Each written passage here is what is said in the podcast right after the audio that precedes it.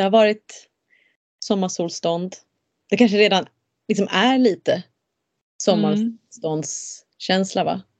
Ja, alltså jag vet inte hur du gör men, men för mig är det men det är lite speciellt magiskt på själva dagen men, men liksom även i så gamla traditioner så, så såg man ju inte solstånden som bara en dag utan som faktiskt flera dagar.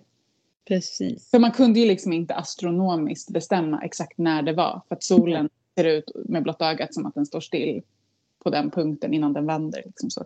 Jag, tycker att jag, jag tycker att vi kan suga på den karamellen lite grann. Solståndskaramellen. Ja, och verkligen länge liksom. Alltså, mm, exakt så känner jag också i kroppen den här tiden. Att det, är så här, det är ett vitt ljus ute, det är, liksom det, här, det är så snällt och det är väldigt liksom det är inte bara en natt och det är heller inte bara så här, eh, liksom det, är inte, det är inte för evigt heller att liksom så här bara gå in fullt i den här kombinationen av solkraft och vattenkraft och bli sådär. Det är nästan så att jag tänker att jag typ sjunker in i landskapet. Så känns mm. min kropp. Mm. Mm. Ja, men det är så himla så här eh, härlig, men som du säger, här kombo av sol och vattenkraft. Det är väl den balansen och så här mm. svalkan som blir, som är så skön. Mm. Liksom. Man har haft mycket, mycket eld här ett tag. Ja, alltså det var ju en eh, av deltagarna i Vandra med prästinnan som beskrev det så fint så jag ska citera eh, henne som sa att, liksom att, att hon upplevde att hennes eld som hon hade jobbat med sen Ostara när den nu fick kontakt med den här vattenkraften då liksom då kom hennes kreativitet in. Men att hon mm. hade tänkt att det var i elden som kreativiteten var. Men det, just det där mötet och jag var så här, ja men det är exakt så jag känner också. Alltså det är ju, vi pratade ju massa om elementen och så i förra avsnittet. Mm. Eh, ska vi göra det här avsnittet också? Ja, det ska vi göra. Ännu mer alkemiskt och blanda de olika elementen. They are so pretty and so crucial liksom på något sätt i, mm. i oss. Liksom. Mm, ja, nej, men precis. För nu, nu är det ju faktiskt så att uh, vi vi gör en favorit i repris som vi gjorde förra sommaren som var väldigt poppis och väldigt roligt för oss också. Mm. Nu så bjuder vi in gäster. Ja, sommarprat, magiska sommarpratare i podcasten Förmiddagsmakt. Alltså det är så himla, både lyxigt men också svårt att så här, välja ut bland alla häftiga personer vi vill prata med. Men vi ska ha podden i många år så vi kommer kunna bjuda in många. Ja. Och vi säger också så här, tycker ni att ni ska vara med på den här podcasten, ni får gärna skriva till oss och berätta. Det är liksom, vi har ju inte jättemycket sändningstid men alltså pitcha in, bjud in er. Vi, vi, vi kan inte vi vet inte vart alla är. Mm, absolut. Säga. Ja, men vi ska... Och det blir ju också, det blir ju också extra mycket podd i sommar. Eftersom ja. att vi, har, vi gick ju ner till att sända en gång i månaden bara under våren för att vi behövde lite andrum. Mm. Så, så nu blir det faktiskt varannan vecka i sommar. Långa härliga avsnitt eh, med gäster som pratar om jätteintressanta saker. Mm. Vi vet ju det för vi har ju redan spelat in dem. Precis. Ja, men alltså vi, vi, vi känner oss bjussiga och ni är så himla bjussiga till oss för att ni stöttar oss så himla mycket. Det är ju liksom därför vi blir peppade. Ja, verkligen. Det är riktigt eh, medicin, eh, energi, vad heter det, medicingåva, energiutbyte här tycker jag. Mm. Uh, ja, nej men alltså vi ska suga på den här första gästens namn i en liten sekund till för uh, att bara droppa in lite i att ni kan, om ni vill stödja oss ännu mer, bli Patreon för podcasten Förmiddagsmakt via Patreon. Och det finns eh, fyra olika nivåer som ni kan vara eh, stödjande för podden. Och när ni stödjer Förmiddagsmakt så stödjer ni mitt och Eldins arbete med att kunna liksom utan andan i halsen få ha möten, diskutera ämnen och eh, göra research, för Eldin att klippa, för att lägga upp saker online och ta hand om eh, ja, eftersnacksgruppen som i och för sig är väldigt självgående men liksom vi är ju närvarande så att när ni stödjer oss ekonomiskt så liksom med den energin, för pengar är ändå energi, man kan inte liksom ta bort det. Så ja, det betyder otroligt mycket för oss. Jag tänker att du kanske håller med, eller? Ja, ja men absolut. Det, ja. det, det, har blivit, det blir viktigare ju längre man håller på för att man, man orkar liksom bara mm. eh, so long att bara kötta på liksom, vid sidan av allt annat arbete man gör. Liksom. Men, men just för att orka in the long run så behöver man liksom så här ändå typ någon slags hållbarhet och där kommer ekonomi också in såklart. Och det är just de där samtalen som vi som blev så tydligt nu i vår när vi hade lite Alltså vi har ju hört så mycket mindre såklart men när vi har hört så har vi haft lite tid att så här å ena sidan och andra sidan samtal. Mm. Alltså dra ut diskursen och, och kunna gå lite djupare och det, det, det, alltså I min värld så är det ju det som är att repa inför en föreställning. Liksom när man bara försvinner bort i att man inte riktigt vet vad resultatet ska bli. Mm. Och det är ju väldigt, ja det betyder mycket tror jag för att mm. kunna gå djupt. Och för, ja. våra, för våra Crone Patreons, alltså den högsta nivån eh, i Patreon, så finns det en eh, ceremoni för sommarsolståndet som man kan mm. göra just nu också om man vill.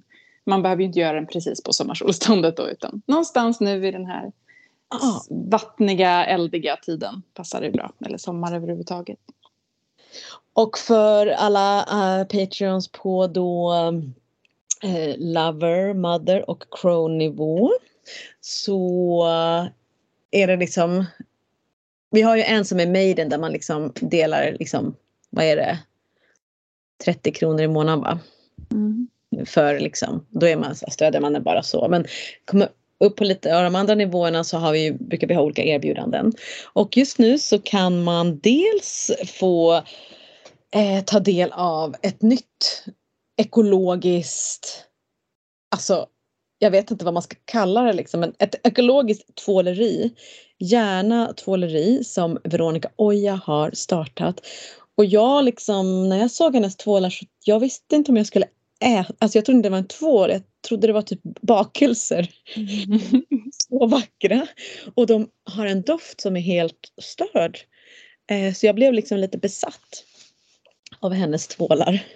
Och sa men gud alla, alla, alla måste få tvätta sig och använda dina tvålar. Hon bara ja men det är svårt att nå ut liksom. Eh, men så vi har ett erbjudande till alla, alla patreons på de här nivåerna att man kan gå in på gärnatvåleri.se och köpa tvålar med 15% rabatt. Och det gäller liksom från att vi sänder det här till eh, fram till en månad senare då. Så 25 till 25. Och den koden finns på Patreon? Koden kommer finnas på Patreon och förutom det så har hon också gett, det här har inte jag sagt till dig, men hon har gett oss två tvålar att bara give away. Yay! En eh, cederträtvål och en eh, saltstenstvål. Fan vad gött! Alltså det är gött va, så att vi lägger upp dem eh, på Patreon också och så gör vi som vi brukar att vi lottar ut dem. Eh, och så när ni har vunnit så får ni reda på det liksom. Alltså det är så perfekt också för att liksom i i våran magiska tradition, eftersom att det här är vattnets tid, så tänker jag liksom att så här, göra typ ett rituellt bad med de här tvålarna. Liksom. Att så här, ja. ceremoniellt rena sig, kanske både liksom så här, ge sig själv de örternas kraft och också rena sig från det som man vill släppa taget av. Ah, gud, alltså jag älskar ceremoniella bad. Det är typ en ja. av mina favoritceremonier. Ja, jag, men du vet, jag, tänk, alltså jag älskar och du har fått mig att älska det och jag tänker lite att jag ser ut som dig när jag har ett ceremoniellt bad. Att så här, nu har jag eld in Nu ser jag ut som elden när hon njuter av sina... ja men det är så här, det är så bra grej, så bra self-care grej även om man är typ jättesliten och har jättelite tid för man måste typ ändå duscha liksom. Ja. Då kan man bara göra det till en ceremoni liksom. Very fucking good alltså. Man behöver inte ha ett badkar, man kan också göra det i en dusch. Alltså, och det som är med Järna tvåleris tvålar är ju också att eh, de löddrar i saltvatten och är ekologiska. Mm. Now we're talking. Kan man göra det ute i havet? I havet, i kärnan. Kanske att salttvålen är lite svårare för den har mycket havssalt i sig redan. Men det kanske mm. får oh, Ja. Men du, på tal om det här med örter och mineraler mm. och magi och grejer. Mm. Är det dags eller? Ja, jag tror det. Då så. Vi ger er den första sommarprataren. Och det är under temat Läkekonstens historia med Janne Hallqvist. Janne är ju en legend på sitt område. Japp. Och du, alltså när vi spelade in det här så var ju du hos honom. Och det Ja. kommer vi prata lite grann om varför. Men, men kan inte du berätta som att du känner honom? Vad håller han på med? Ja, nej men jag, eh, jag har träffat Janne för han undervisar på Biskops Arne folkhögskola. Startade bland annat kursen Naturens medicin som alltid är fullbokad och utsåld och alla sommarkurserna med örter är alltid fullbokade och utsålda. Eh, och jag har undervisat där eh, och ja, första gången jag var där så tänkte jag den här kunskapen måste förmiddagsmakt, vi måste göra en intervju, vi måste spela in det här för han kan så mycket. Eh, det här måste bevaras. Det här, jag bara kände så att this is so crucial. Det var min känsla liksom. Och han, ehm, han är ju en uh, örtgubbe. Självlärd, eh, arbetat med örter nästan hela sitt liv. Han har verkligen valt ett liv med örter. Och tar ut svängarna eh, för vad örtmedicin kan vara, örtlära kan vara. Han blandar liksom vi, I vårt avsnitt pratar vi mer historia men han kan blanda liksom Han kan dra in örter i, i, i, i dikter. Han väcker liv i gamla eh, trollformler och, och ramsor. Alltså, den utbildning jag gick, levande örthistoria, det var hur kul som helst. Vi liksom bara testade recept från 900-talet som han då hade översatt och tolkat om och gjorde liksom så här spa från 900-talet. Wow. Ja.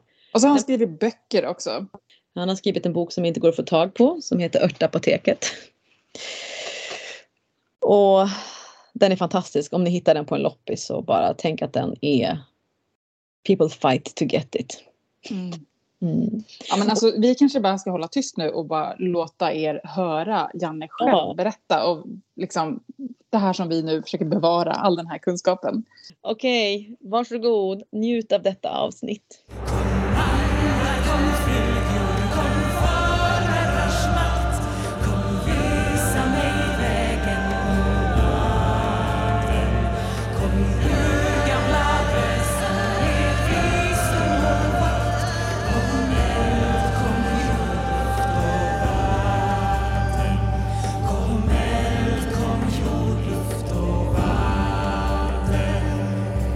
Jag känner så här Elin att det skulle vara så fint att du också var i samma rum som mig och Janne men nu är du inte det för vi är liksom på Biskops Arnö. Ja, vad gör ni där? Mm. Vad gör du här Janne?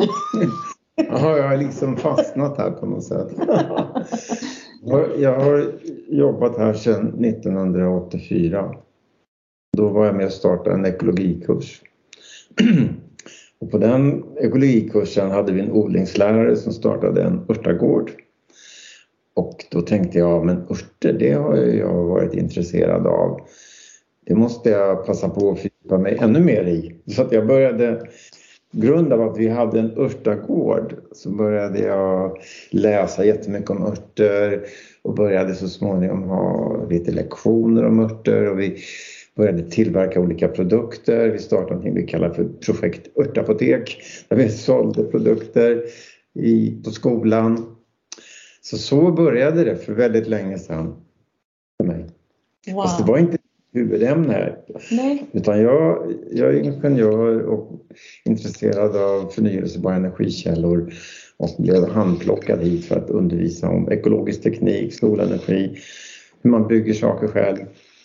Så vi byggde en massa roliga saker. Soldrivna duschar, ugnar, torkapparater, allt möjligt. Korvgrill. Wow. Det är så himla intressant för det är nästan som att örterna kallade på dig. För nu har du ju drivit Naturens medicin här i Ja, sen 2001. 2001 liksom. Ja. Och Naturens medicin, det är faktiskt därför jag är här för jag har blivit inbjuden av en gästlärare. Så mäktigt. Alltså Elin, jag är lärare, jag är som du. Ja, fast det känns mycket mer magiskt att vara lärare i, i örtmedicin än i svenska. Eller kanske inte, språket är också magiskt. Språket är också magiskt. Ja, nej men det känns jättefint. Och att, eh, men du gör ju också så, du bjuder in. Det är ju en, en, en ettårig utbildning som finns på Biskop Arnö. Och så finns det en massa olika sommarkurser man kan gå. Och just den här naturens medicin så kan man faktiskt verkligen bo och verka och leva här och ha hand om örtagården. Mm. Som är helt otrolig. Mm. Det är nästan hundra olika örter. Ja, alltså det är hundra olika läkeörter som odlas här nere på Biskops Arnö. Wow. Oh, alltså, men jag tänkte ju så här. Du vet när jag hade dig som min lärare på levande örthistoria. Då kände jag nästan så här. Jag måste säga till Elin att vi ska intervjua Janne på podden. För att någon gång i framtiden så hittar någon Förmiddagsmaktpodden på något sätt. Jag vet inte vart de hittar den nu för tiden. Det är inte så här en kassett i jorden. När man hittar oss på något konstigt internet. Och då ska det finnas en intervju med Janne där för du är så kunnig.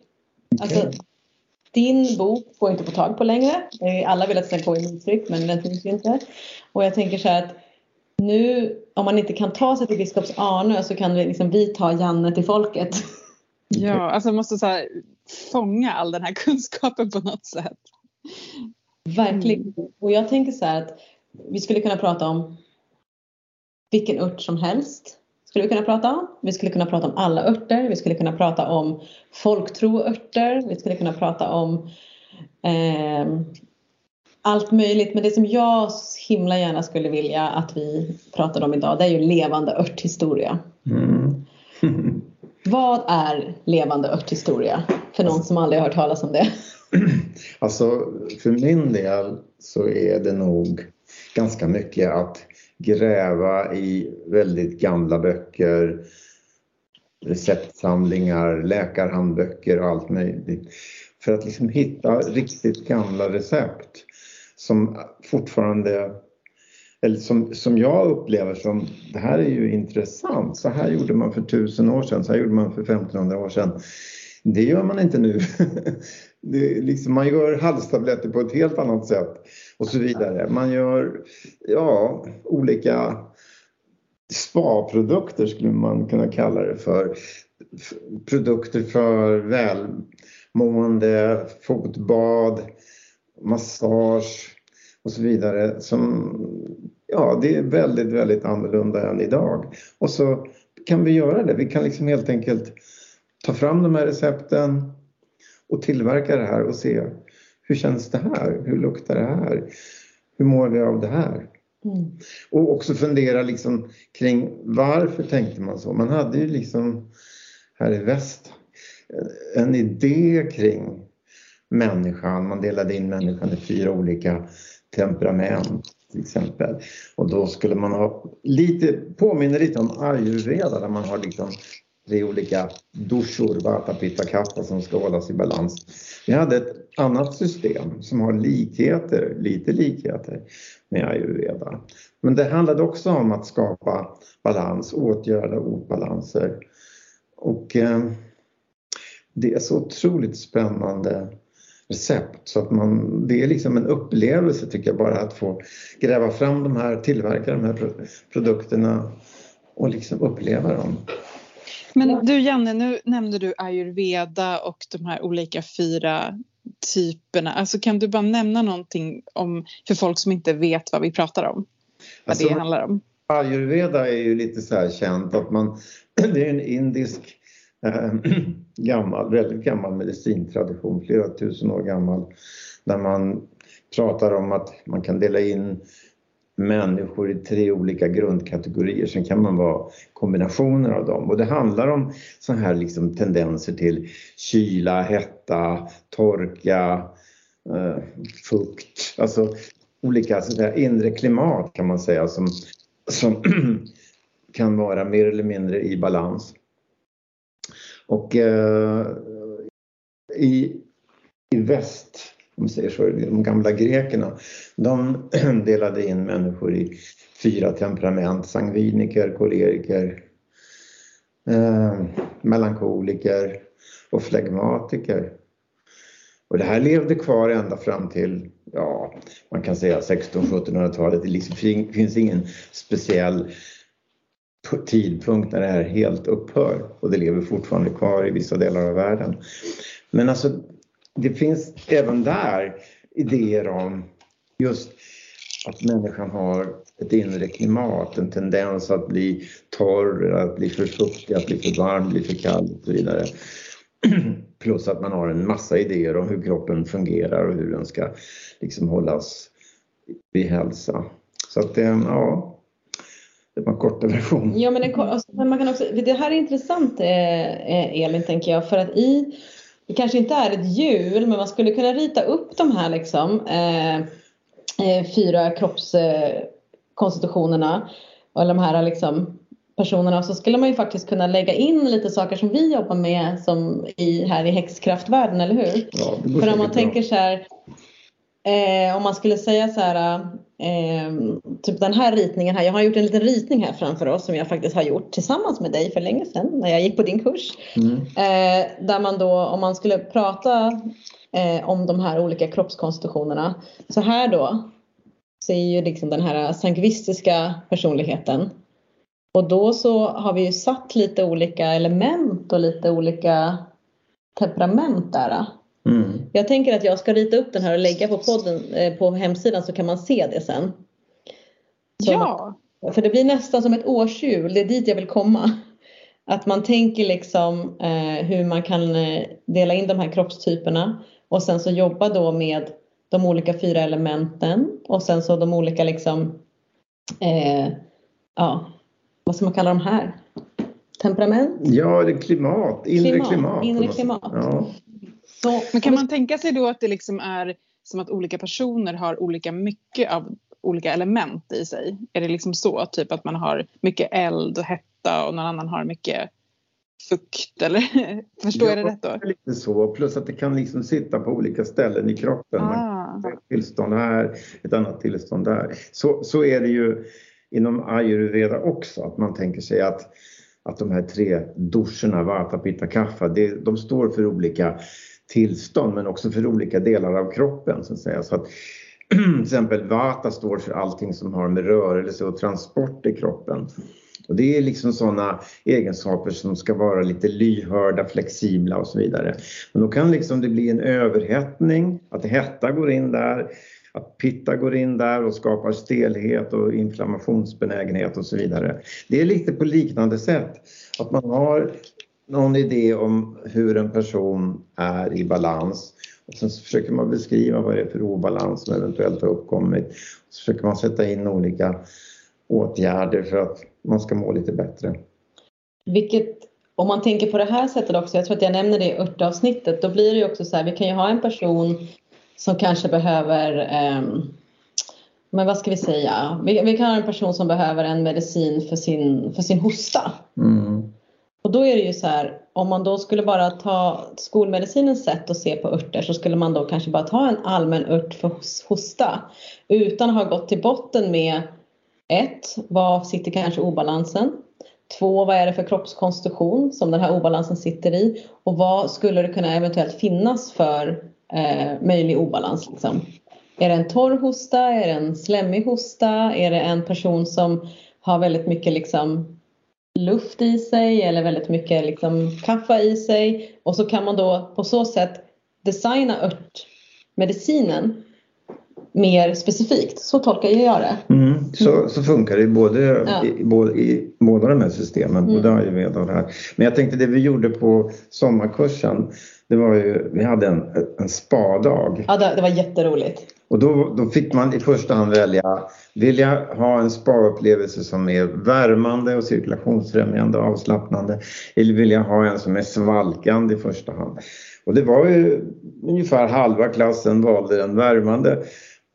Det var ändå en ganska varm dag så att många ville ha en svalkande också. Och det var så uppenbart att det funkade. Alltså de som kände sig överhettade innan, de kände sig behagligt svalkade. Och de som var lite frusna och stelna, de kände sig värmda och avslappnade. Alltså jag tog ju den här svalkande eh, spa-kittet tänkte jag, men det var alltså, för jag var så himla varm.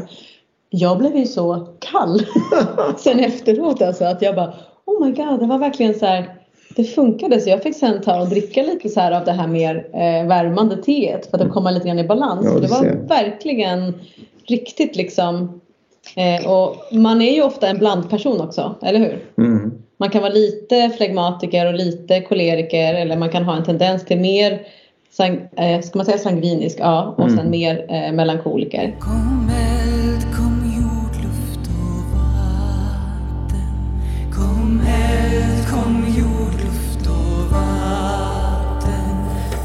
Om man är eh, melankoliker, vad skulle känneteckna den kroppskonstitutionen i de gamla lärorna? Nej men alltså då, då finns det lite försvagad blodcirkulation, lite frusenhet, tendens till torr hy. Eh, man tänker sig att den svarta gallan som det då melankoli faktiskt betyder, melankoli, svart galla, den är lite för mycket i blodet, den sjunker neråt, den är tung, den skapar eh, Eh, sprickor i, i fötterna och så vidare. Och man behöver liksom någonting som sätter, som värmer, sätter fart på blodcirkulationen, som skapar avslappning och som, ja, eh, så kan man säga. Och på motsatt sida då på ett sånt här årsdjur skulle man ha sangvin, sangvinierna. Ja, men alltså en sangviniker, liksom en koleriker, de har ju ett överskott av hetta kan man säga. De, de behöver svalkas.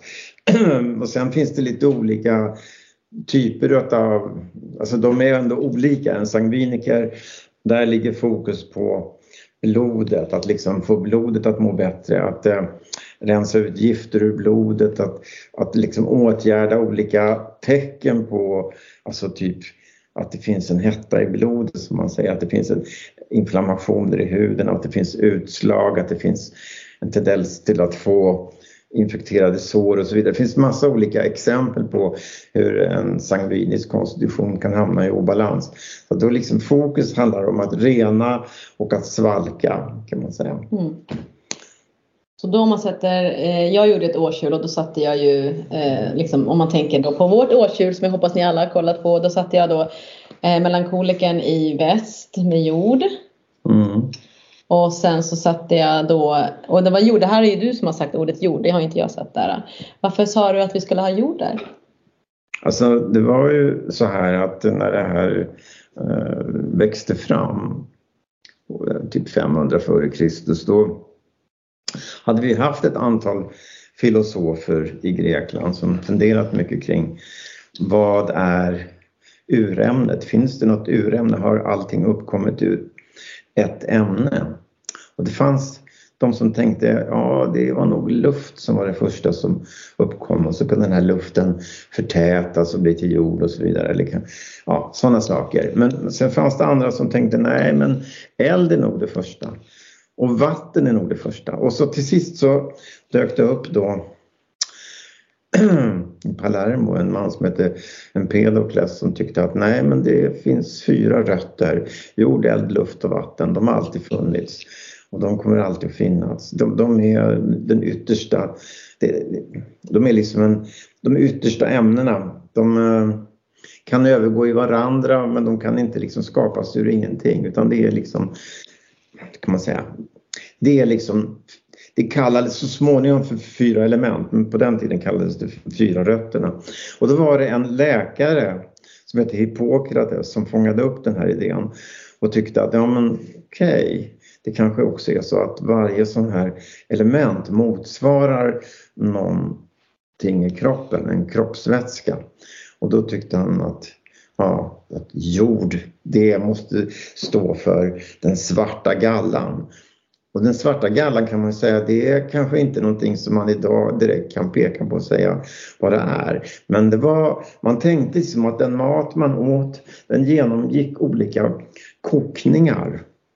Pepsis, olika kokningar och framförallt i levern. Och liksom då frambringades olika, så att säga, ämnen, det frambringades slem, det frambringades blod och så vidare. Och så vart det kvar som en slags bottensats, den svarta gallan som då ger en slags tyngd och stabilitet som behövs fara omkring i kroppen. Den lagras framförallt i mjälten men det ska finnas lite, lite svart galla i blodet som, som hjälper blodet att, att liksom fungera på ett bra sätt och den påverkar också psyket på ett positivt sätt i lagom dos så att man orkar hålla på med saker som är lite tråkiga. Och att man, alltså motsatsen är ju den sangviniker, sangvinikern som bara vill leka. Så det, liksom, det här är liksom en, den svarta gallan, melankolin, det är liksom det som ger tyngd och allvar och gör att man kan bli pålitlig och fördjupa sig och jobba med saker som kanske inte är jätteroliga men som är viktiga. Så det är liksom en grundande tung energi men som lätt kan hamna i obalans och då blir man alltför tungsint, svårmodig. Melankolisk. Melankolisk helt Ja. enkelt. Men den här svarta gallan, den är alltså inte något som typ, som är fysiskt utan det är mer någon metafysisk substans då eller? Jag eller att alla de här äh, fyra kroppsvätskorna kan man se som någon slags icke-fysisk. Men alltså det finns, det finns ju, man kan ju säga blod, det är ju naturligtvis någonting som finns fysiskt. Slem är någonting som finns fysiskt. Och gul galla, det är ju den vanliga gallan, det är också någonting som finns fysiskt. Men när man tittar på hur de beskrivs så, så ser man att men det här är någonting mer än bara den här substansen. Det här är en aspekt av psyket, det här är en aspekt av livet. Det är li- alltså, inom ayurveda, det är inte så stor skillnad egentligen. För till exempel pitta betyder galla och Mm. slem. Vata betyder vind eller luft, eller vind kan man säga. Så att även inom ayurveda så ha- har man då de här tre olika principerna som är också lite metafysiska, någonstans mellan det fysiska och det icke-fysiska. Och som liksom går in i allt på något sätt, psyke, själ, kropp. Holistiskt. Ja, på något Ja. sätt. Men alltså det är mer som en metafor att man pratar om, ja det är den gula gallan, ja det är blodet, ja det är den svarta gallan. Mm. Men det är så himla intressant för att det här är också som, eh, jag tycker att så här jobbar man ju i modern kinesisk eh, örtmedicin också med de här konstitutionerna. Kanske inte med liksom melankoliker och sangviniker. Men innan vi pratar mer om det, kan vi inte, jag vill veta lite mer om sangvinikern. Vadå, är den lekfull? Vad håller den på med? Är Ja, sangviniker, de är, ska man säga, mm, de tar saker lätt. Eh, de är lekfulla och gladlynta. Eh, de kan bli liksom lite överhettade om man säger så. Men liksom själva den, ska jag säga, det är det som ger på något sätt glädje. Man kan säga det som att eh,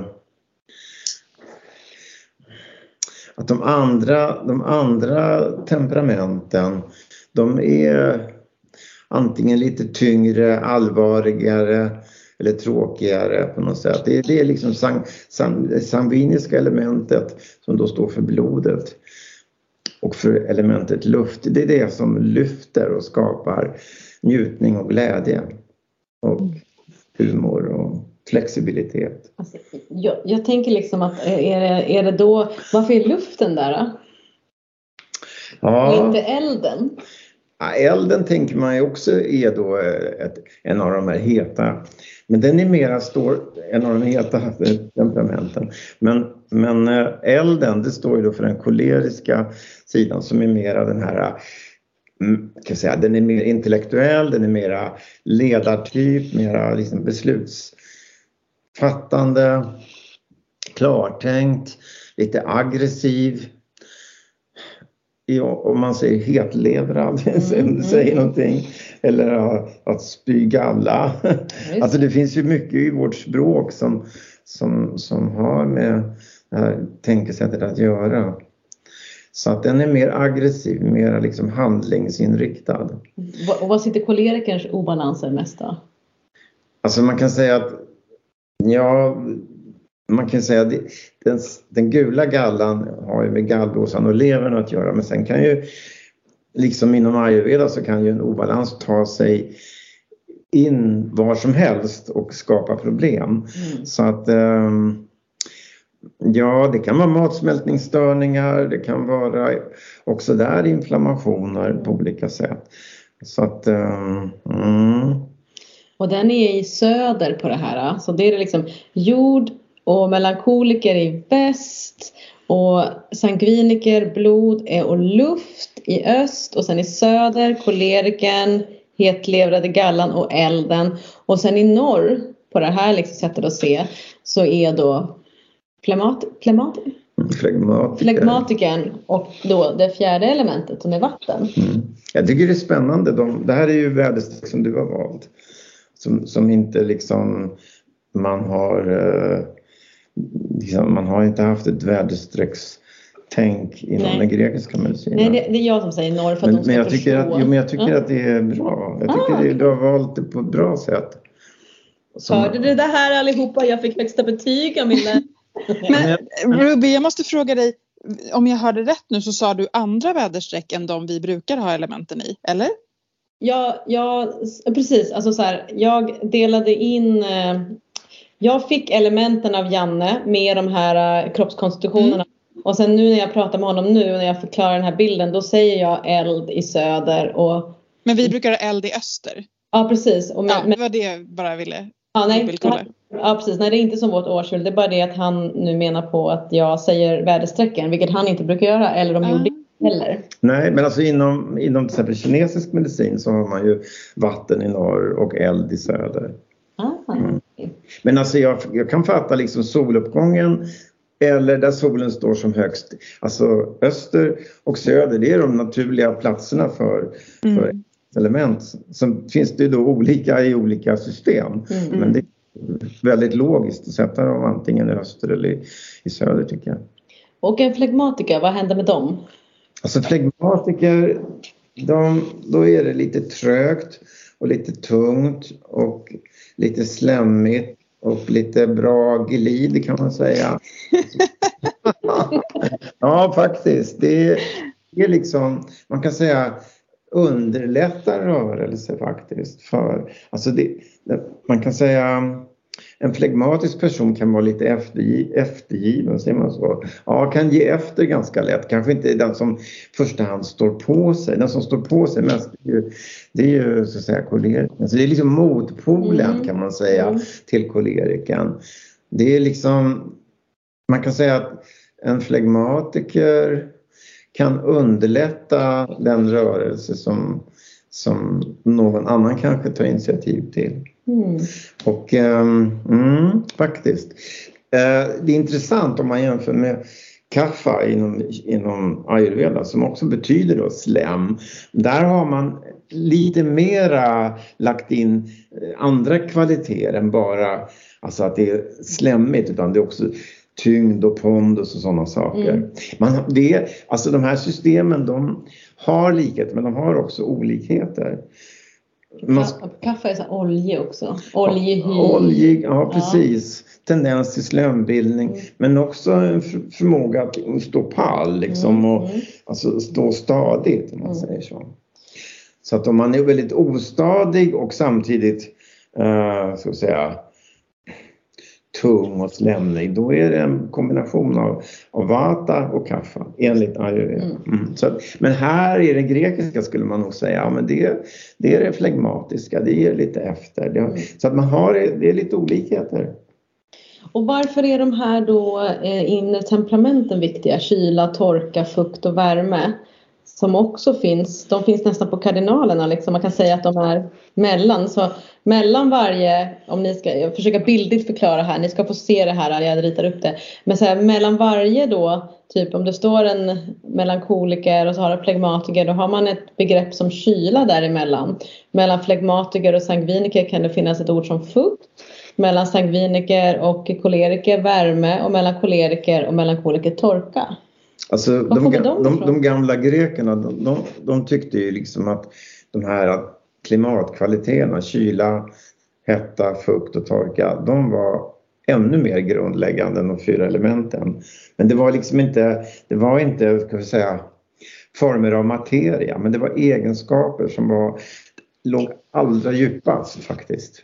Mm. Och, eh, och det där är ju någonting som alkemisterna tog fasta på också. Att man, de, de menade ju att man, man skulle kunna göra om en metall till en annan metall genom att liksom isolera fukt eller kyla ur någon substans och bara få bara fukten. Liksom. och sen kanske koppla den till en metall som hade för lite fukt för att kunna vara guld. Alltså det, där, det här har haft jättestor, det här tänket har haft liksom jättestor eh, betydelse även inom alkemin som är då en helt annan spår, men jag bara nämner det för det är lite spännande. Alkemi, nu har vi ett nytt uppslag. Ja, just det. Vi kan ta avsnitt om alkemi också. Ja, det, vi skriver upp det här på vår lista med tusen avsnittsidéer. Du frågar vad det har för betydelse. Alltså man kan väl säga att, att eh, de, de här olika tem, temperatur eller så att säga, klimatkvaliteterna de, har, de ligger liksom till bot, i botten till det här med att, att, att få fram de olika eh, temperamenten. Så det är alltså en kombination av kyla och fukt som ger elementet vatten och så vidare. Men, eh, men alltså när det gäller varför jag tycker det är spännande med, med de här olika ja, sangviniker, koleriker och så vidare. Det är just därför att inom medicinhistorien så är det här en så, så central del utav vad man lärde ut, alltså på universiteten. Från, alltså framförallt från, man kan säga, 12 1200-talet kan man säga.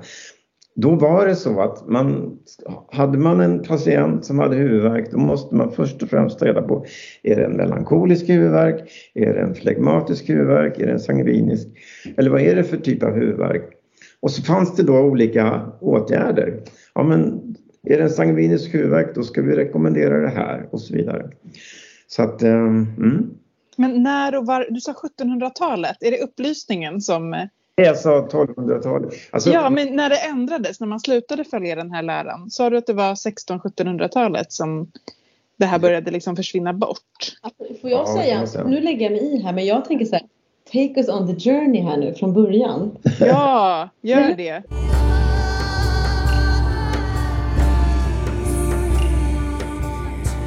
Alltså kan vi inte börja med liksom så här botare, helbräddgörerskor, liksom när man alltså, du behöver inte gå in på detaljer men liksom vad, hur, exakt så här som Elins fråga men vi bara backar lite. Ja. Ja. Du ska få din upplysningshämnd, jag lovar. Nej men jag tänker så här, babylonisk persisk tradition, alltså så här liksom att det, vi börjar ju någonstans där man trodde att sjukdom kom från onda andar, eller hur? ja, det kan man säga. Från Eller- döda människor, från onda andar, från ja, onda gudar i vissa fall eller gudars prövningar på olika sätt. Ja, det finns ett gäng av orsaker. Då är vi Men, långt tillbaka i tiden ju. Ja, det beror på var man är någonstans. Ja. Men eh, alltså i Kina då var det här även på 700-talet inom vissa områden kan man säga väldigt hett. Bland de taoistiska prästerna då var det liksom väldigt mycket det handlade om att driva ut onda andar för att, för att liksom bota sjukdomar. Vi pratade om det i förra avsnittet, eller nej inte förra avsnittet, vi pratade i ett avsnitt tidigare ju med häxprocesserna, det här med att, liksom att man kunde ge sjukdom. Som kan bota kan också ge sjukdom. Mm. Mm. Så att alltså, man får nog liksom placera sig någonstans i världen. Är det Grekland vi pratar om? Ja, då är det kanske 600 före Kristus och bakåt i tiden. Då var det nog ganska mycket så. Mm. Mm. Men sen började det liksom kring 500-talet bli mer den här lite intellektuella approachen med Även om den inte slog igenom på en gång, men som det här vi pratat om nu, det är ju liksom, växte ju fram någon gång kring 500-talet. Men sen är det ju också ofta parallella traditioner. Man kan ju under lång tid i ett område ha både den här, ja, förklara med hjälp utav demoner eller förklara med hjälp av hur man lever. Alltså det är, man kan ju inte säga att tron på demoner är utrotad heller. Nej. Nej, det kan man inte göra. Men att man någonstans där började liksom eh, tänka lite mer kring att det kan vara att kroppen kan vara med. Alltså, tänk på den här, är det inte där någonstans som den här symbolen finns? Alltså den här, Hippokrates och Hygieia. ja. Hygieia är dotter till Ja. ja. Asklepios. Heter Ja, han. Asklepios. Asklepios. Hans dotter hette Hygea. Mm. Det är hon som håller i en orm och sen i en skål samlar upp ormgifter. Det som är apotekssymbolen. Just det. Mm. Asklepios var ju en, eh, kan man säga, troligtvis var det en person som levde man vet inte riktigt, det kan vara 800-900 före Kristus. Alltså han är omnämnd i eh, eh Homeros skrifter, till exempel Iliaden och Odysseen. Där beskrivs han som en läkekunnig ledargestalt och att eh, hans söner då tog över den här kunskapen och förde den vidare. Och det blev ju så att när vi kommer fram till 500-talet före Kristus i Grekland, då anser de flesta läkekunniga sig vara ättlingar till Asklepios och då säger man att man är en asklepiad. Och det var även då Hippokrates. Han, han ansåg sig vara ättling men han ansåg att det vi har lärt oss det är för mycket vidskepelse. Vi måste börja undersöka, vi måste börja studera läkeförlopp och sjukdomsprocesser. Vi kan inte bara utgå från att allt det vi lärt oss tidigare stämmer. Det betyder inte att han slängde ut allting och förkastade allting, men han införde ett, ett vetenskapligt tänk kan man säga och ett filosofiskt tänk. Han skapade ju den här idén om de fyra temperamenten och fyra kroppsvätskorna och så vidare. Så där någonstans så började man ju på något sätt också, om jag har förstått dig rätt, eh, parallellt med att visst, onda andar och så vidare, men att man började gå in i någonting med kropp och kost, eller liksom att man kunde påverka sjukdomsförlopp, inte bara genom att göra besvärjelser. Och... Men alltså att sjukdom också är något som kommer inifrån, tänker jag då, eller? Att det inte bara är liksom något som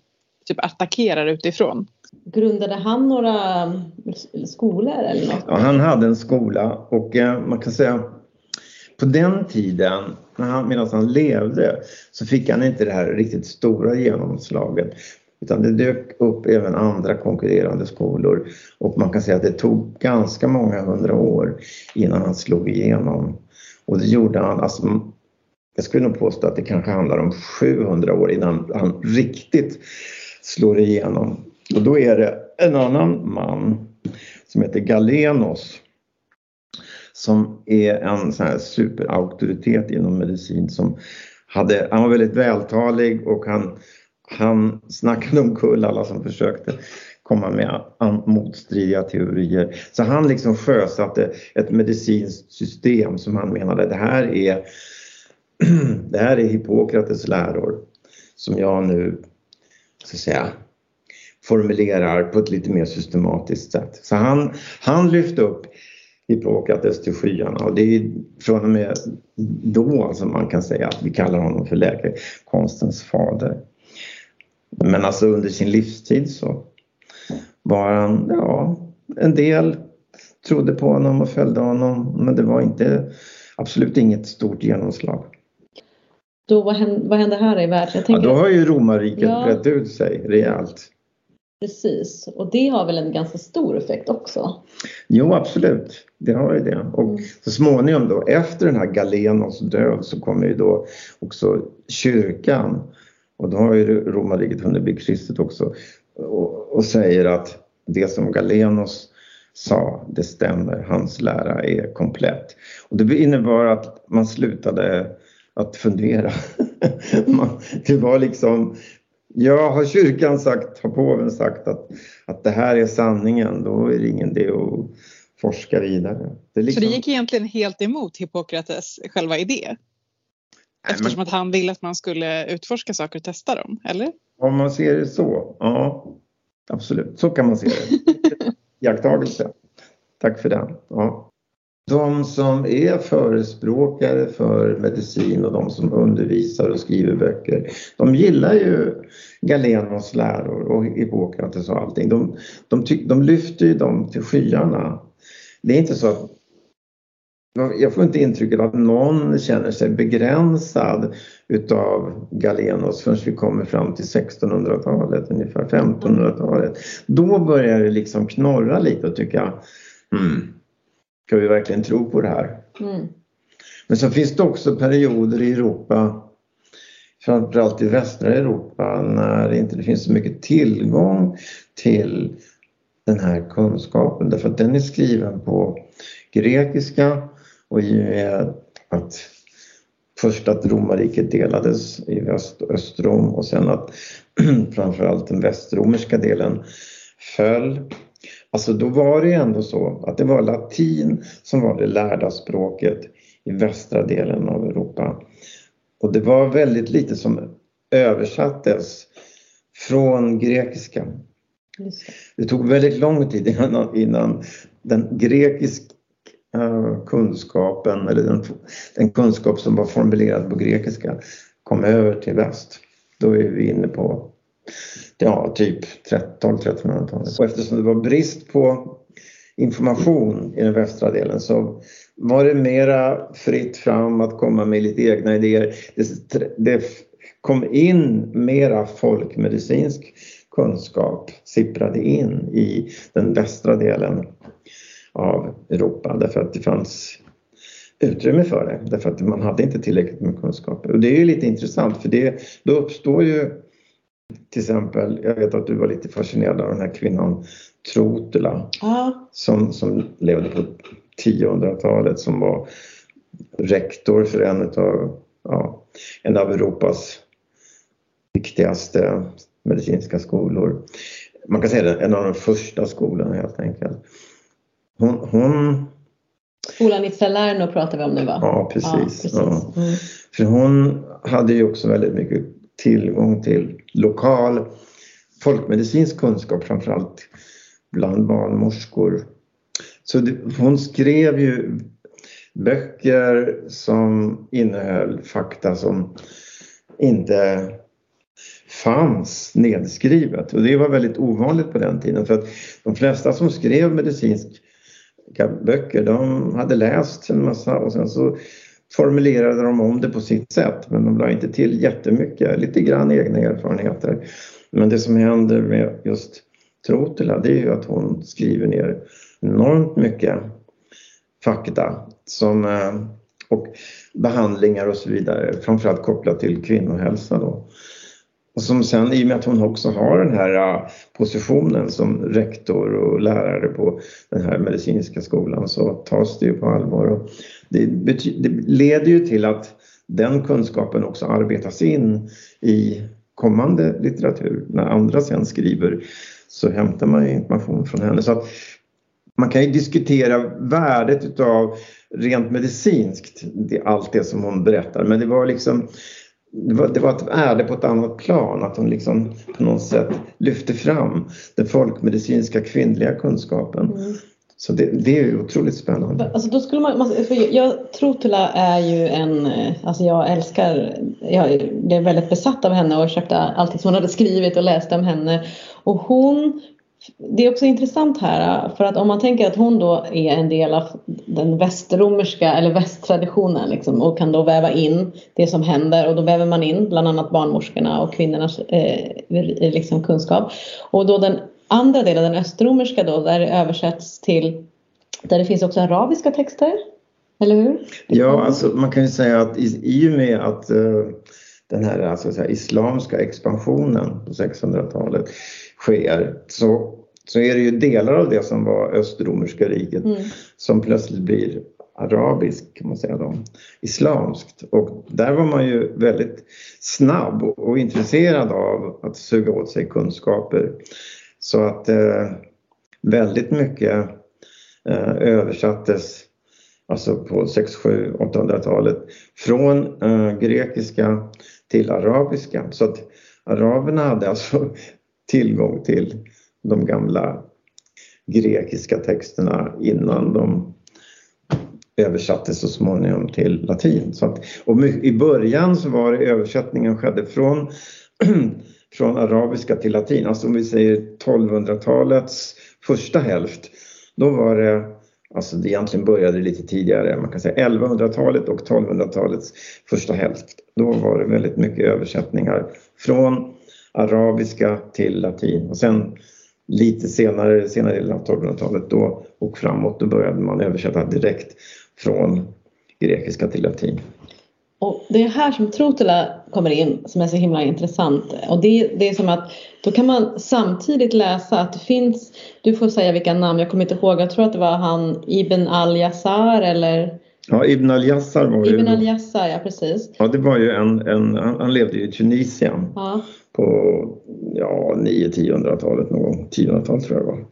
Mm. Och hans texter då från arabiska blir översatta till grekiska och, ungefär, liksom- och sen så är de ju väldigt snarlika det som Trotula då har plockat upp. Fast har skrivit tio gånger mer. Fast Trotula skriver tio gånger mer och jag, du, hade ju några exempel och jag kommer ihåg dem väldigt mycket för bland annat så här så kan det stå så här om förlossning. Och då är det liksom i den översättningen då som har varit mer i den östdelen som vandrar rakt ner utan input från barnmorskor och, och kvinnors kunskap. Då kan det stå sådär massera magen för att få igång verkar. Be henne dricka det här vinet. Se till att eh, ryggen är varm. Typ sådana där saker. Men i Trotulas texter så är det liksom så här att det står verkligen så här massera magen i spiralgående nedåtgående rörelser, inkludera bäckenbotten, höft. Eh, se till att hon dricker ett vin och sedan hostar upp det. Eh, se till att eh, det är varmt i hela rummet. Om det finns manlig män i rummet, be dem inte titta kvinnan som föder i ögonen så att hon kan få koncentrera sig på sin förlossning och så vidare och så vidare och så vidare. Och det här tycker jag är så coolt Elin. Mm. Att det liksom är samma men ur två olika perspektiv och det ena är också mycket närmare kanske. Ja. Och man känner att det är liksom barnmorskekunskap därför att så här, om det blir problem, gör så här, funkar inte det, gör så här. Alltså det är liksom steg för steg liksom att hitta fram till en lösning. Mm. Det är, så står det inte i, i de, de arabiska böckerna om man Nej. säger så. Och inte heller den här, liksom, den här storskaliga översättningen av grekiska texter sen som sker utan att det finns det är så himla spännande liksom att apropå för vad det leder framåt det är ju liksom vart vi någonstans sen tar vägen efter det. Mm. Alltså så här, för sen de här kunskaperna de försvinner ju igen, alltså barnmorskans perspektiv. Eh, alltså det blir ju som att när universiteten kommer igång och när det blir liksom eh, andra krav på vem som ska få ta hand om förlossningar och inte så, så är det som att Trotula gör värsta insatsen Och det lever kvar ett tag och det lever ändå. kvar Mm. ganska länge och det är det jag tänker är så här wow, det lever kvar så pass länge att det kan leva kvar idag. Mm. Så tänker jag kring Trotula. Och Mm. Hon hade en position också, hon var ju rik liksom och hade möjlighet att starta den här skolan i Salerno. Ja, hon startade inte men hon var ju liksom under en period var hon ju rektor där och hon, hon, hon var lärare och hon hade liksom en hög position där och undervisade i kirurgi och allt möjligt. Så hon var liksom, hon hade ska säga, status på något sätt som gjorde också att man kunde inte liksom negligera henne på något sätt. För lite samtida har man ju också en annan ganska känd kvinnlig eh, profil. Nunna, läkekunnig. Eh, Hildegard von Bingen. Ja precis, det är ungefär hundra år senare, Ja. inte riktigt men nästan. Nej, men hon är ju också, hon är också väldigt nära Mm. eh, örterna och patienterna. Och, Mm. och hon är för sig väldigt nära Gud också. Mm. Men hon, hennes uppenbarelser om Gud pratar ju väldigt mycket om ett kroppsligt perspektiv. Alltså hon kan ju nästan beskriva hur hon känner Jesus fysiska närvaro i rummet och så. Mm. Hon var ju, hade ju också en position men hon har ju också bevarat, alltså hennes texter finns ju också bevarade. Mm. Och sen finns det väl också någon sån här supergammal örtebok från den tiden. Någon sån här Old English Herb, nej eller jag vet inte. Någon Ja men alltså det, det, man kan säga att det är också ett exempel på att eh, där det inte finns väldigt mycket utav den här grekiska kunskapen men lite grann. Då fyller man på med, med eh, folkmedicinsk kunskap så att det, det här som du nämner Old English Herbal och liknande, alltså det, i, i England under 9 och 1000-talet så, så skrivs det ett antal läkeböcker och örtaböcker som innehåller en väldigt spännande blandning av folkmedicin och lärd medicin. Och eh, det intressanta med folkmedicinen det är ju liksom att, att det är en slags magisk medicin.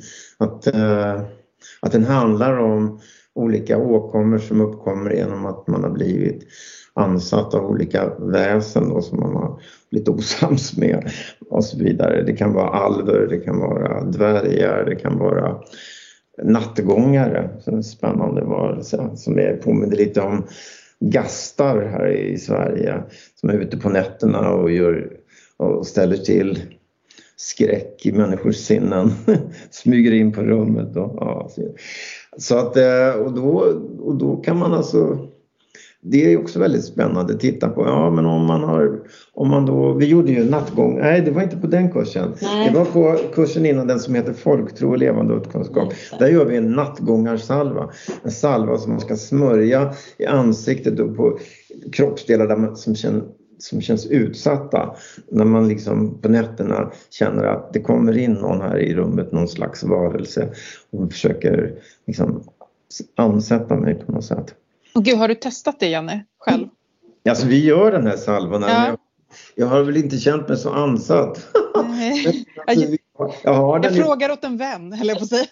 Ja. Jag frågar åt en vän. Ja, nej men absolut. Det, vi skulle behöva hitta någon, någon som verkligen behöver den. Mm. Ja, men vi känner många som behöver sådana ja, här. Men det är bra. Så jag kan ta med mig några burkar. Du kan få receptet. Ja, det mm. kan jag verkligen få. För, för den, vi har inte haft någon försäljning av utan vi har tillverkat den så att man får med sin burk hem.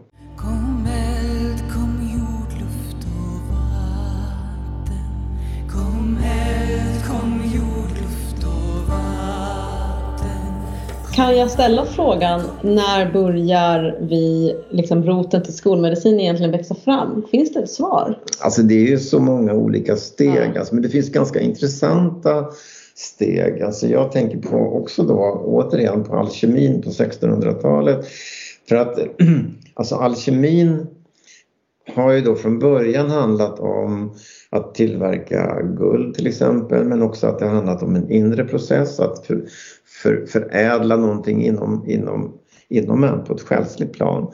Alltså det inre guldet på något sätt. Det, det har ju funnits med som en slags, kan man ju också se som en hälsoaspekt då, ända från början. Men det som händer, man kan säga idéerna börjar dyka upp redan på 1300-talet men det är framförallt på 1500-1600-talet som alkemister verkligen börjar att eh, laborera med att tillverka mediciner för olika åkommor mer specifikt. Alltså en alkemisk örtmedicin men också en alkemisk mineral och metallbaserad medicin. Och den här, det är den här äh, mineral och metallbaserade alkemiska medicinen som sedan sakta men säkert utvecklas till det vi ser idag. Så att om man idag, om man idag vet du, utbildar sig till läkare och läser medicinhistoria då får man veta att det var så den moderna farmakologin började.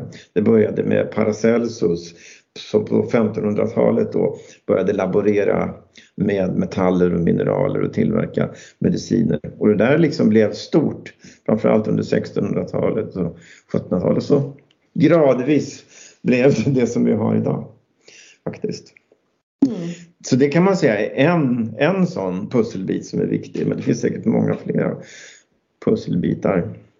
Men kommer vi fram nu till den här frågan som jag ställde förut, när de här fyra klimat, inre klimatteorin, när den liksom går ur när den inte längre är dominerande? Har vi kommit fram till den tiden nu? Jag vill säga att ja, man kan säga att det är någon gång kring eh, under 1600-talet så är det ju saker som händer som gör att man börjar skrota rätt mycket utav, utav den här Hippokrates och Galenos idéer därför att man ser att den idé man hade om hur kroppen fungerar, hur blodcirkulationen och allt möjligt fungerar, den håller inte. Den, så att man liksom, inte på grund av att det var något problem med temperamenten utan på grund av andra saker så börjar man ifrågasätta helheten så att säga.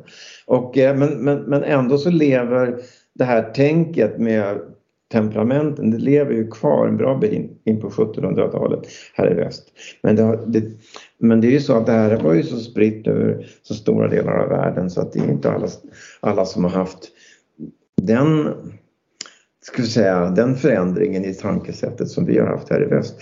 I arabvärlden lever det fortfarande kvar. Man har ju fortfarande eh, sjukhus och eh, utbildningar till läkare.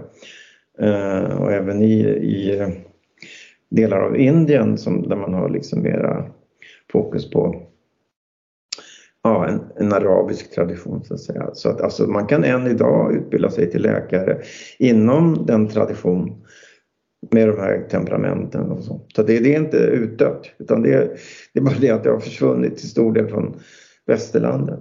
Så det har börjat komma tillbaks lite men det är väldigt perifert. Men, mm. Så säg att det klingade av väldigt mycket under 1700-talet men att det började med liksom att man på 1600-talet uppfann mikroskop och sådana saker som gjorde att man såg att men det stämmer inte det som, det som sades som, som kyrkan stipulerade att det här är sanningen. blod, alltså, vi vet ju idag att blodet cirkulerar i kroppen men det trodde man inte då för att man såg inte de minsta blodkärlen så man tänkte blodet vispades fram och tillbaka. Inte runt. ja. Men, att de här, men det du sa var alltså det att de här fyra inre klimaten egentligen alltså ändå fortfarande skulle kunna vara relevanta. Det var inte det som var problemet eller? Ja precis. Man, men alltså det men det var ju lite så att man började släppa på det också därför att det ingick i den här läran som man var tvungen att tro på som nu började liksom falla sönder. Så att eh, man lite grann kastade ut, vad säger man, barnet med badvattnet. Ja. Men, men, att, eh, men att det levde ändå kvar lite här och där och, och inom framförallt folk som var intresserade av örtmedicin. Ja, men som antroposoferna har ju fortfarande kvar Just det. Där. Det, mm. det har ju, så det, det liksom lever kvar lite här och där i väst också. Men eh, det var inte ett definitivt, man kan inte sätta ett datum att då upphörde det utan det var en gradvis övergång till, till ett, ett nytt modernt syn på medicin och på människokroppen. För jag tänker att här kan man ju börja prata också om örter. För alltså, även om det där synsättet försvann så var det ju fortfarande så. Visst, man kanske uppfann vissa liksom som mikroskopet och vissa andra grejer. Man etablerade att jorden var rund och så vidare. Det blir en separation liksom eh, mellan vetenskap och kyrkan. Men det är ju fortfarande så att det är örterna som är de främsta och alkemin som är de främsta allierade läkepreparaten. För vi har ju inte ännu kommit in liksom till att det finns penicillin eller antibiotika eller någonting sånt. Det är ju lång väg kvar, eller har jag fel? Nej, men det...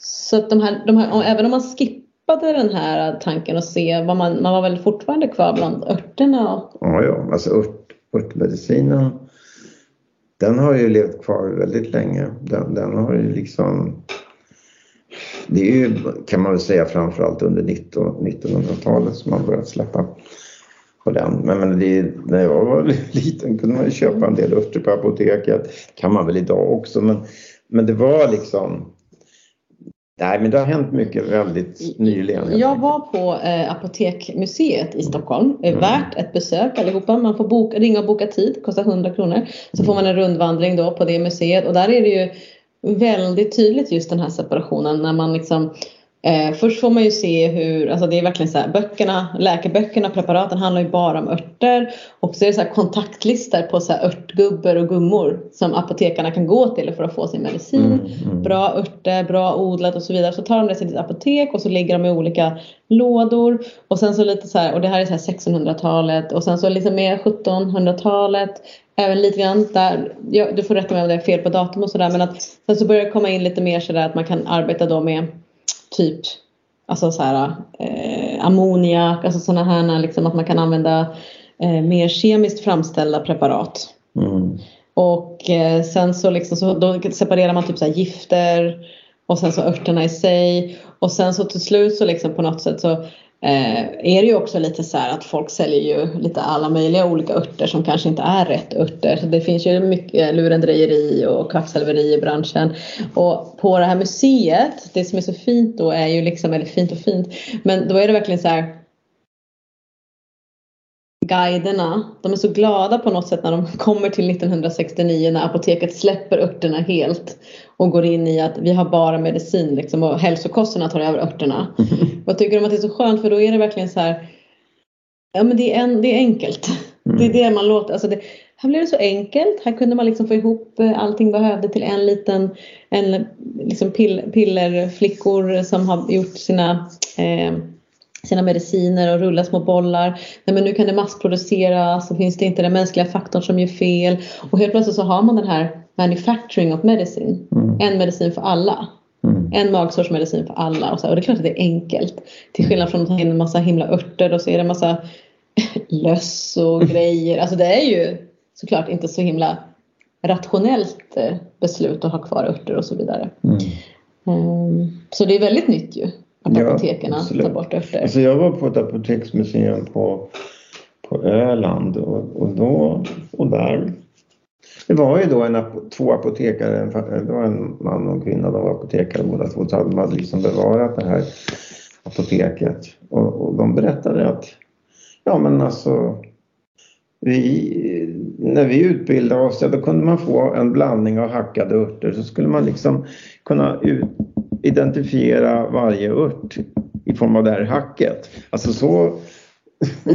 det var ju lite häftigt.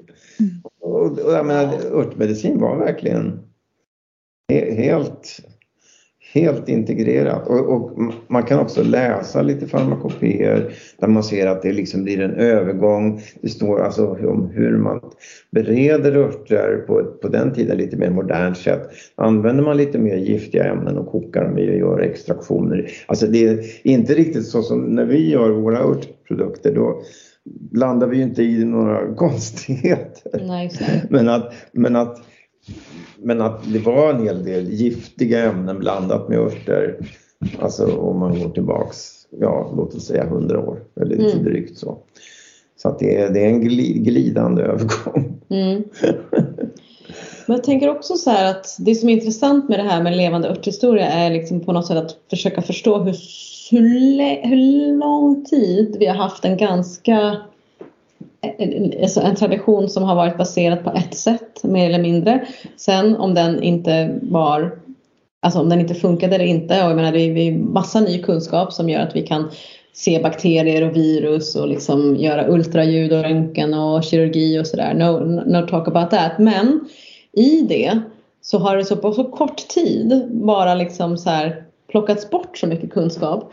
Och jag tänker jättemycket på eh, vi hade ett avsnitt om helig abort, Elin. Där vi liksom om, om, liksom, om abort och så. Men sen så nämner vi också så här att men om man inte har den här kunskapen om örter, om man inte vet någonting och ett modernt samhälle faller sönder. Jag tänker på när det är krig och så. Mm. När man inte får tillgång till eh, medicin, el, apparater alltså, och inte kan örterna. Det är ju ganska läskigt. Mm.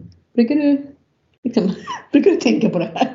Nej, men jag, det jag har tänkt på är väl att det är väldigt bra och viktigt att ha kunskap om till exempel vilda svenska örter därför att det kan finnas situationer när det inte är lika lätt att få tag på ört, de örter som vi brukar köpa och importera och så vidare. Eh, Eh, och att det är bra att kunna veta vilka örter man kan odla och sådär. Men att det...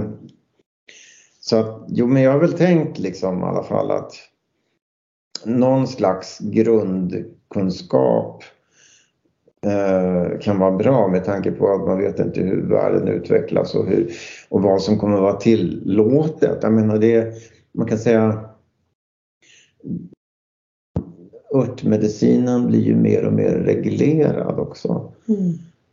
Och man, för, för en del år sedan då, vi, då fanns det kanske mer än det finns idag oro för att en massa örter skulle bli svåra att få tag på. Men de flesta örter går fortfarande att få tag på men det finns ju vissa örter som, som är lite krångligare att köpa. Man kanske får köpa örten till hästar istället idag för att Mm. den får inte säljas till människor och så vidare. Men, men eh, det, för det mesta finns det lösningar.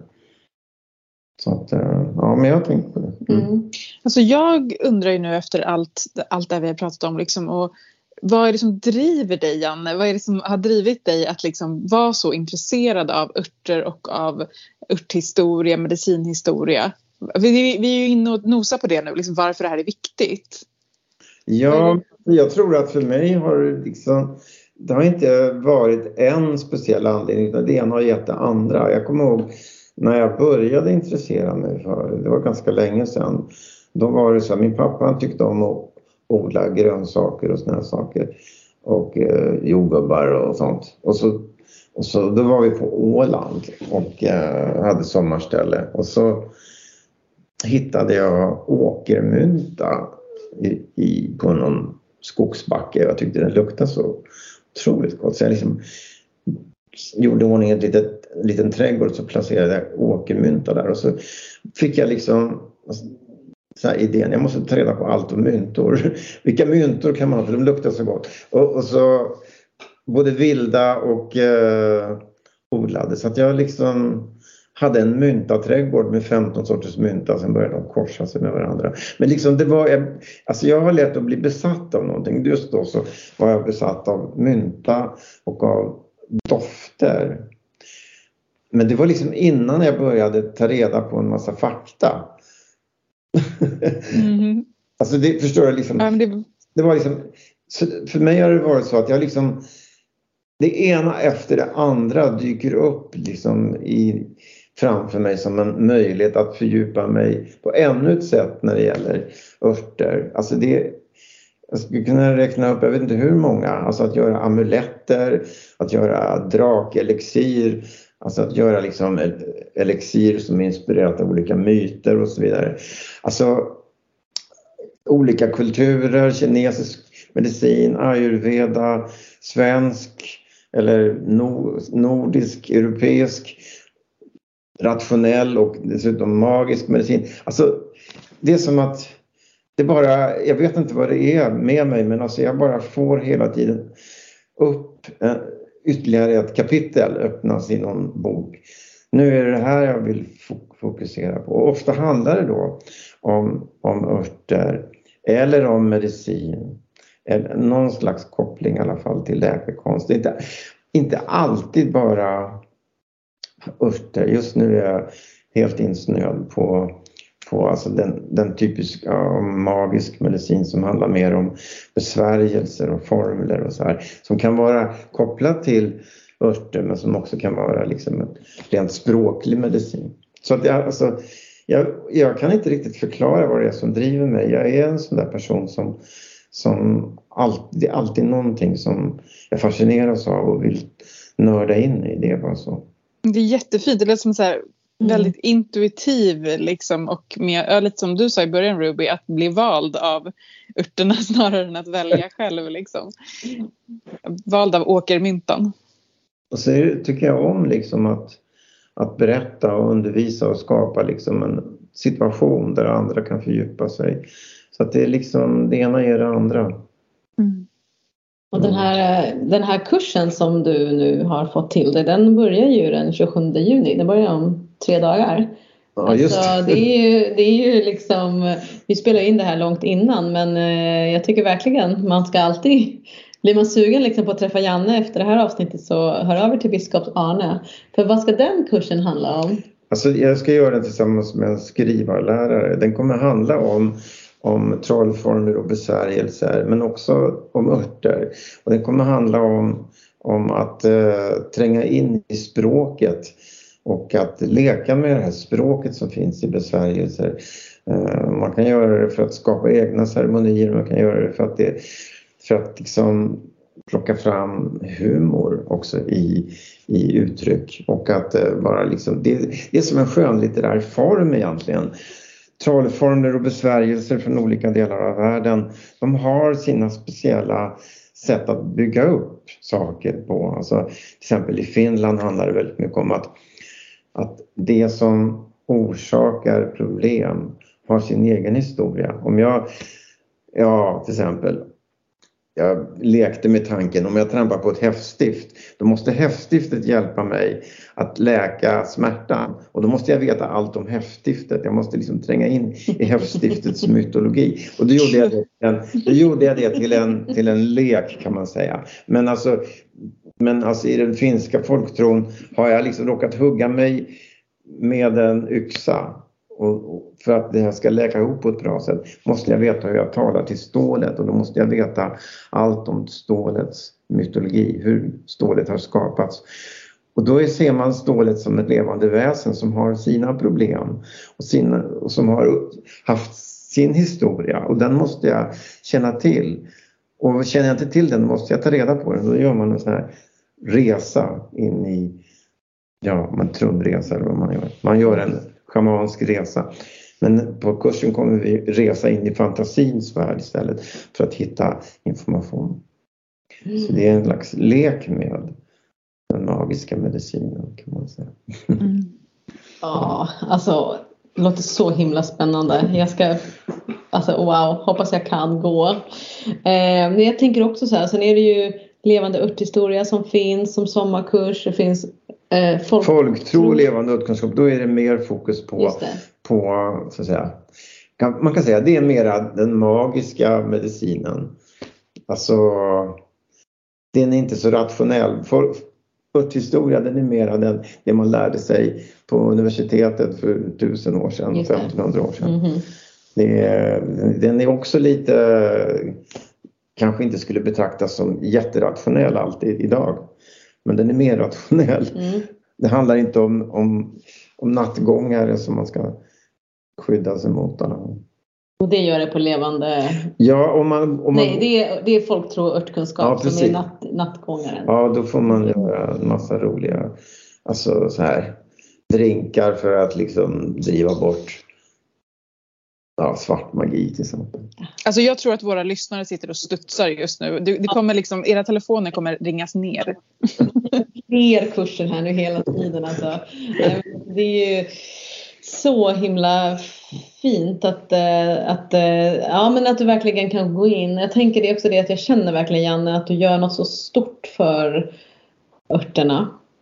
På riktigt. Alltså jag känner att du gör något stort för örterna. De får, de får också något så här vi har ju pratat mycket om, vi hade ett avsnitt om svamp där vi kände liksom att Amanita, flugsvampen, var så baktalad. Mm. Att hon liksom har fått verkligen så ett felt rykte. Jag känner liksom att när du jobbar så här mycket med örterna och leker med dem och så här, du säger inte så här ta bara örter, det är det enda du kan göra eller gör bara det här utan du låter bara folk få vara här i din sfär och liksom bekanta sig med örter och sen får de fördjupa sig på det sätt som de vill men det är väldigt humoristiskt och lekfullt mm. eh, och sen frågar man dig så får man svar. Ja, väldigt någon, ofta liksom. Någonting ja. kan jag säga. Ja. Ja, vad känner du Elin? Vi... Jag, känner, jag känner att jag har fått en sån fantastiskt pedagogisk och så här levande resa genom den här historien. Alltså tack så otroligt mycket Jenny. Tack, vad kul. Ja. Det är ju, ja nej men den är riktigt, och det här är ju liksom, det, det här som du sa nu, det sa, säger du egentligen på fyra dagar annars. Så det är otroligt. Ja men det är det, det är det jag är så imponerad av, att liksom, jag förstår vad det krävs att försöka komprimera så här mycket till, det, och ändå få det liksom så himla sammanhängande. Mm. Ja, bra. Alltså jag tänker bara som en liten avslutande fråga här undrar jag ju så här. Har du en favoritört? Jag brukar få den där frågan ja, ibland. Ja, jag tänka mig det. Ja. Um, alltså jag tycker att till exempel humlesuga är en ört som jag gillar väldigt mycket. Det, dels är det en ört som var superpopulär alltså under antiken och under medeltiden men som man sen tyckte att nej, men vi förstår inte den här örten, vi, vi kanske inte ska ha kvar den. Men, men man har ju förstått att det är en ört som gör att man uh, får en bättre bakgrundsvila, man kanske får lite bättre sömn.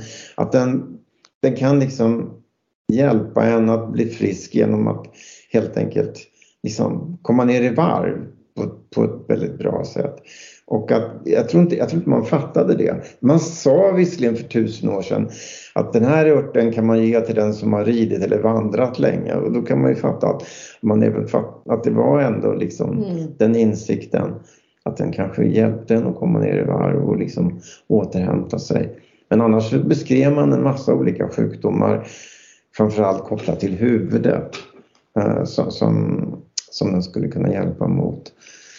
Och eh, det fanns också jag vet inte om det var i Spanien eller någon, något latintalande, eller man säger latinskt språktalande land där man har det här uttrycket Sälj din kappa och köp humlesuga. Och det betyder väl gör något vettigt av ditt liv. Så den, den har verkligen varit väldigt, väldigt uppskattad. Och, eh, men den finns ju fortfarande att köpa, den går att odla. Den är liksom inte borta ur sortimentet men den är inte, om, omnämns inte så mycket. Så det är väl en sån där ört som jag försökt att liksom lyfta fram för jag tycker den är faktiskt väldigt bra. Och jag kan känna i slutet av en termin ofta kan jag känna mig lite så här, lite dov huvudvärk, kan känna mig lite utmattad. Då dricker jag det under några dagar och så känner jag att ja, jag återhämtar mig ganska snabbt. Jag liksom, det är inte så att jag blir bedövad utan, och inte så att jag liksom får plötsligt en massa ny energi. Men det är som att kroppen liksom hittar tillbaks på något sätt till en bra grundavslappning. Så det kan man säga är en favoritört. Ja, lite blad av humlesuga då eller är det roten du? Nej, det är blad Ja. man tar. Mm. Man kan ta en tesked utav Mm. blad. Och som sagt, den, den finns på välsorterade örtbutiker. Jag planterade den i min Ja, bra. trädgård. Mm. För jag köpte den förra året. Så jag hoppas den klarar vintern då. Det brukar inte vara något problem. Nej. Då så, ska vi dricka humlesuga.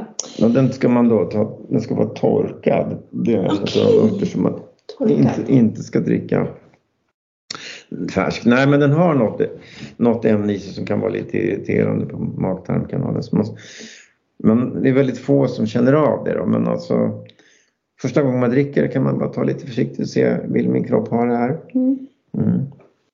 Jag vet någon som kände, nej det här vill inte min kropp ha, men jag dricker ändå. Och så börjar de kräkas. Det, det är onödigt. Men alltså det är extremt ovanligt.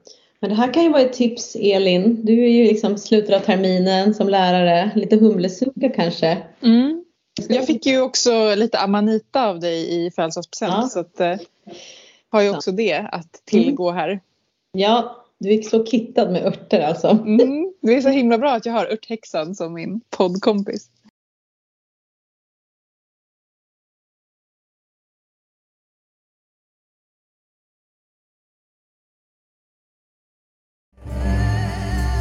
Völvans spådom. Från dåtid till nutid till framtid. Vi älskar och tackar er Patreons från djupet av våra hjärtan. Tack, tack, tack. Puss, puss, puss. Ni är otroliga. Så en av de saker som vi gör för att hylla er, det är ju att varje vecka så drar vi en utav er som blir föremål för völvans spådom. Angelica Emneus, alldeles ny Patreon. Tusen tack för ditt stöd. Tack Angelica. Alltså, jag satte mig utomhus eh, vid ett träd och eh, började liksom tona in. Eh, och tankarna flöt iväg och liksom känslorna flöt iväg. Jag blev liksom lite grann, kände mig som att jag blev ett med det här trädet. Och då så kom det ett ord till mig. Det var verkligen ett ord som kom till mig.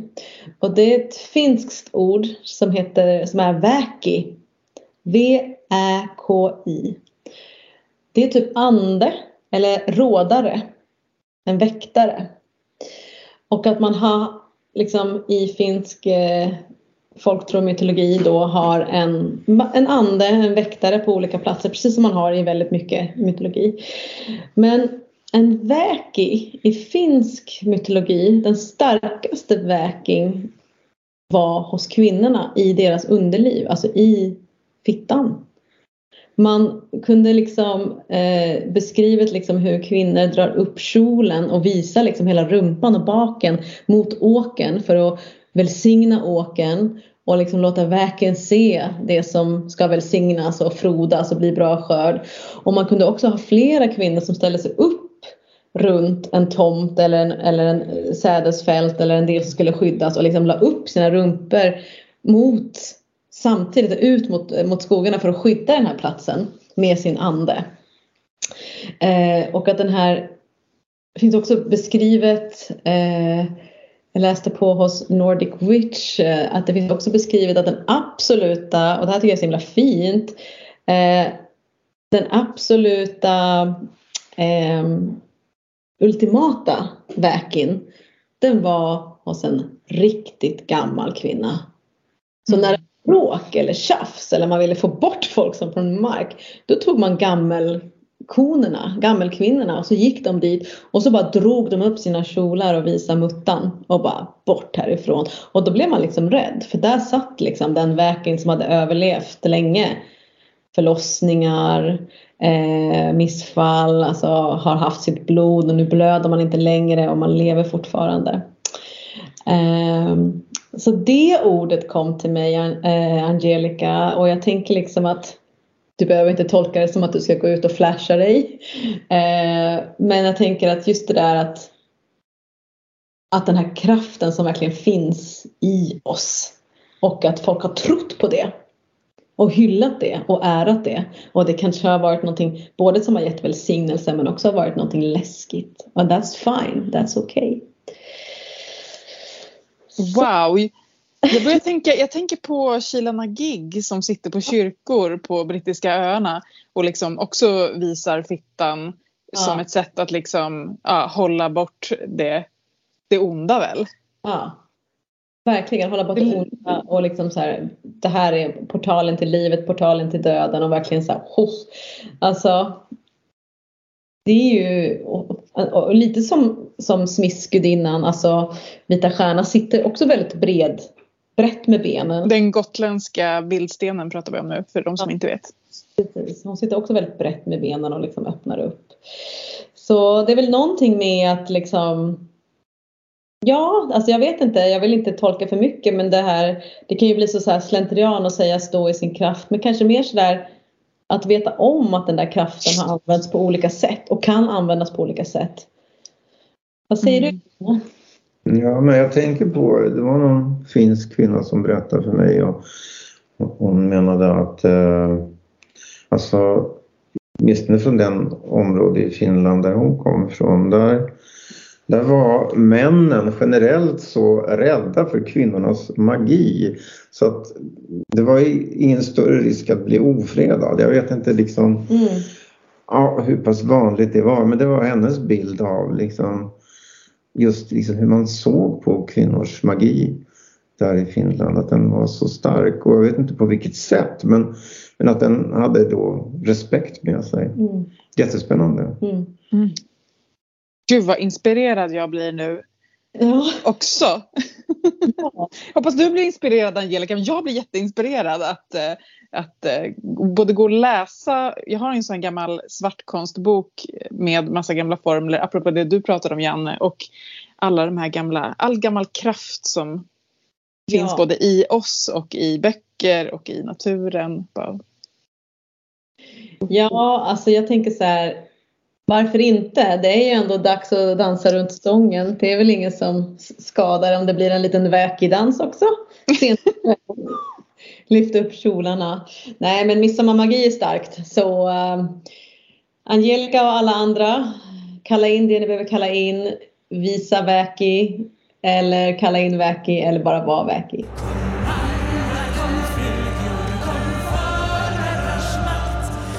Vill du stödja vår podcast ytterligare så kan du Betygsätta podcasten. prenumerera på podcasten för att öka vår synlighet. Bli medlem på Patreon så får du dessutom en massa häxiga benefits. Gå in på patreon.com slash formodrarsmakt. Och vill du ta del av ytterligare samtal med likasinnande, bli medlem i Facebookgruppen Förmödrars makt eftersnack.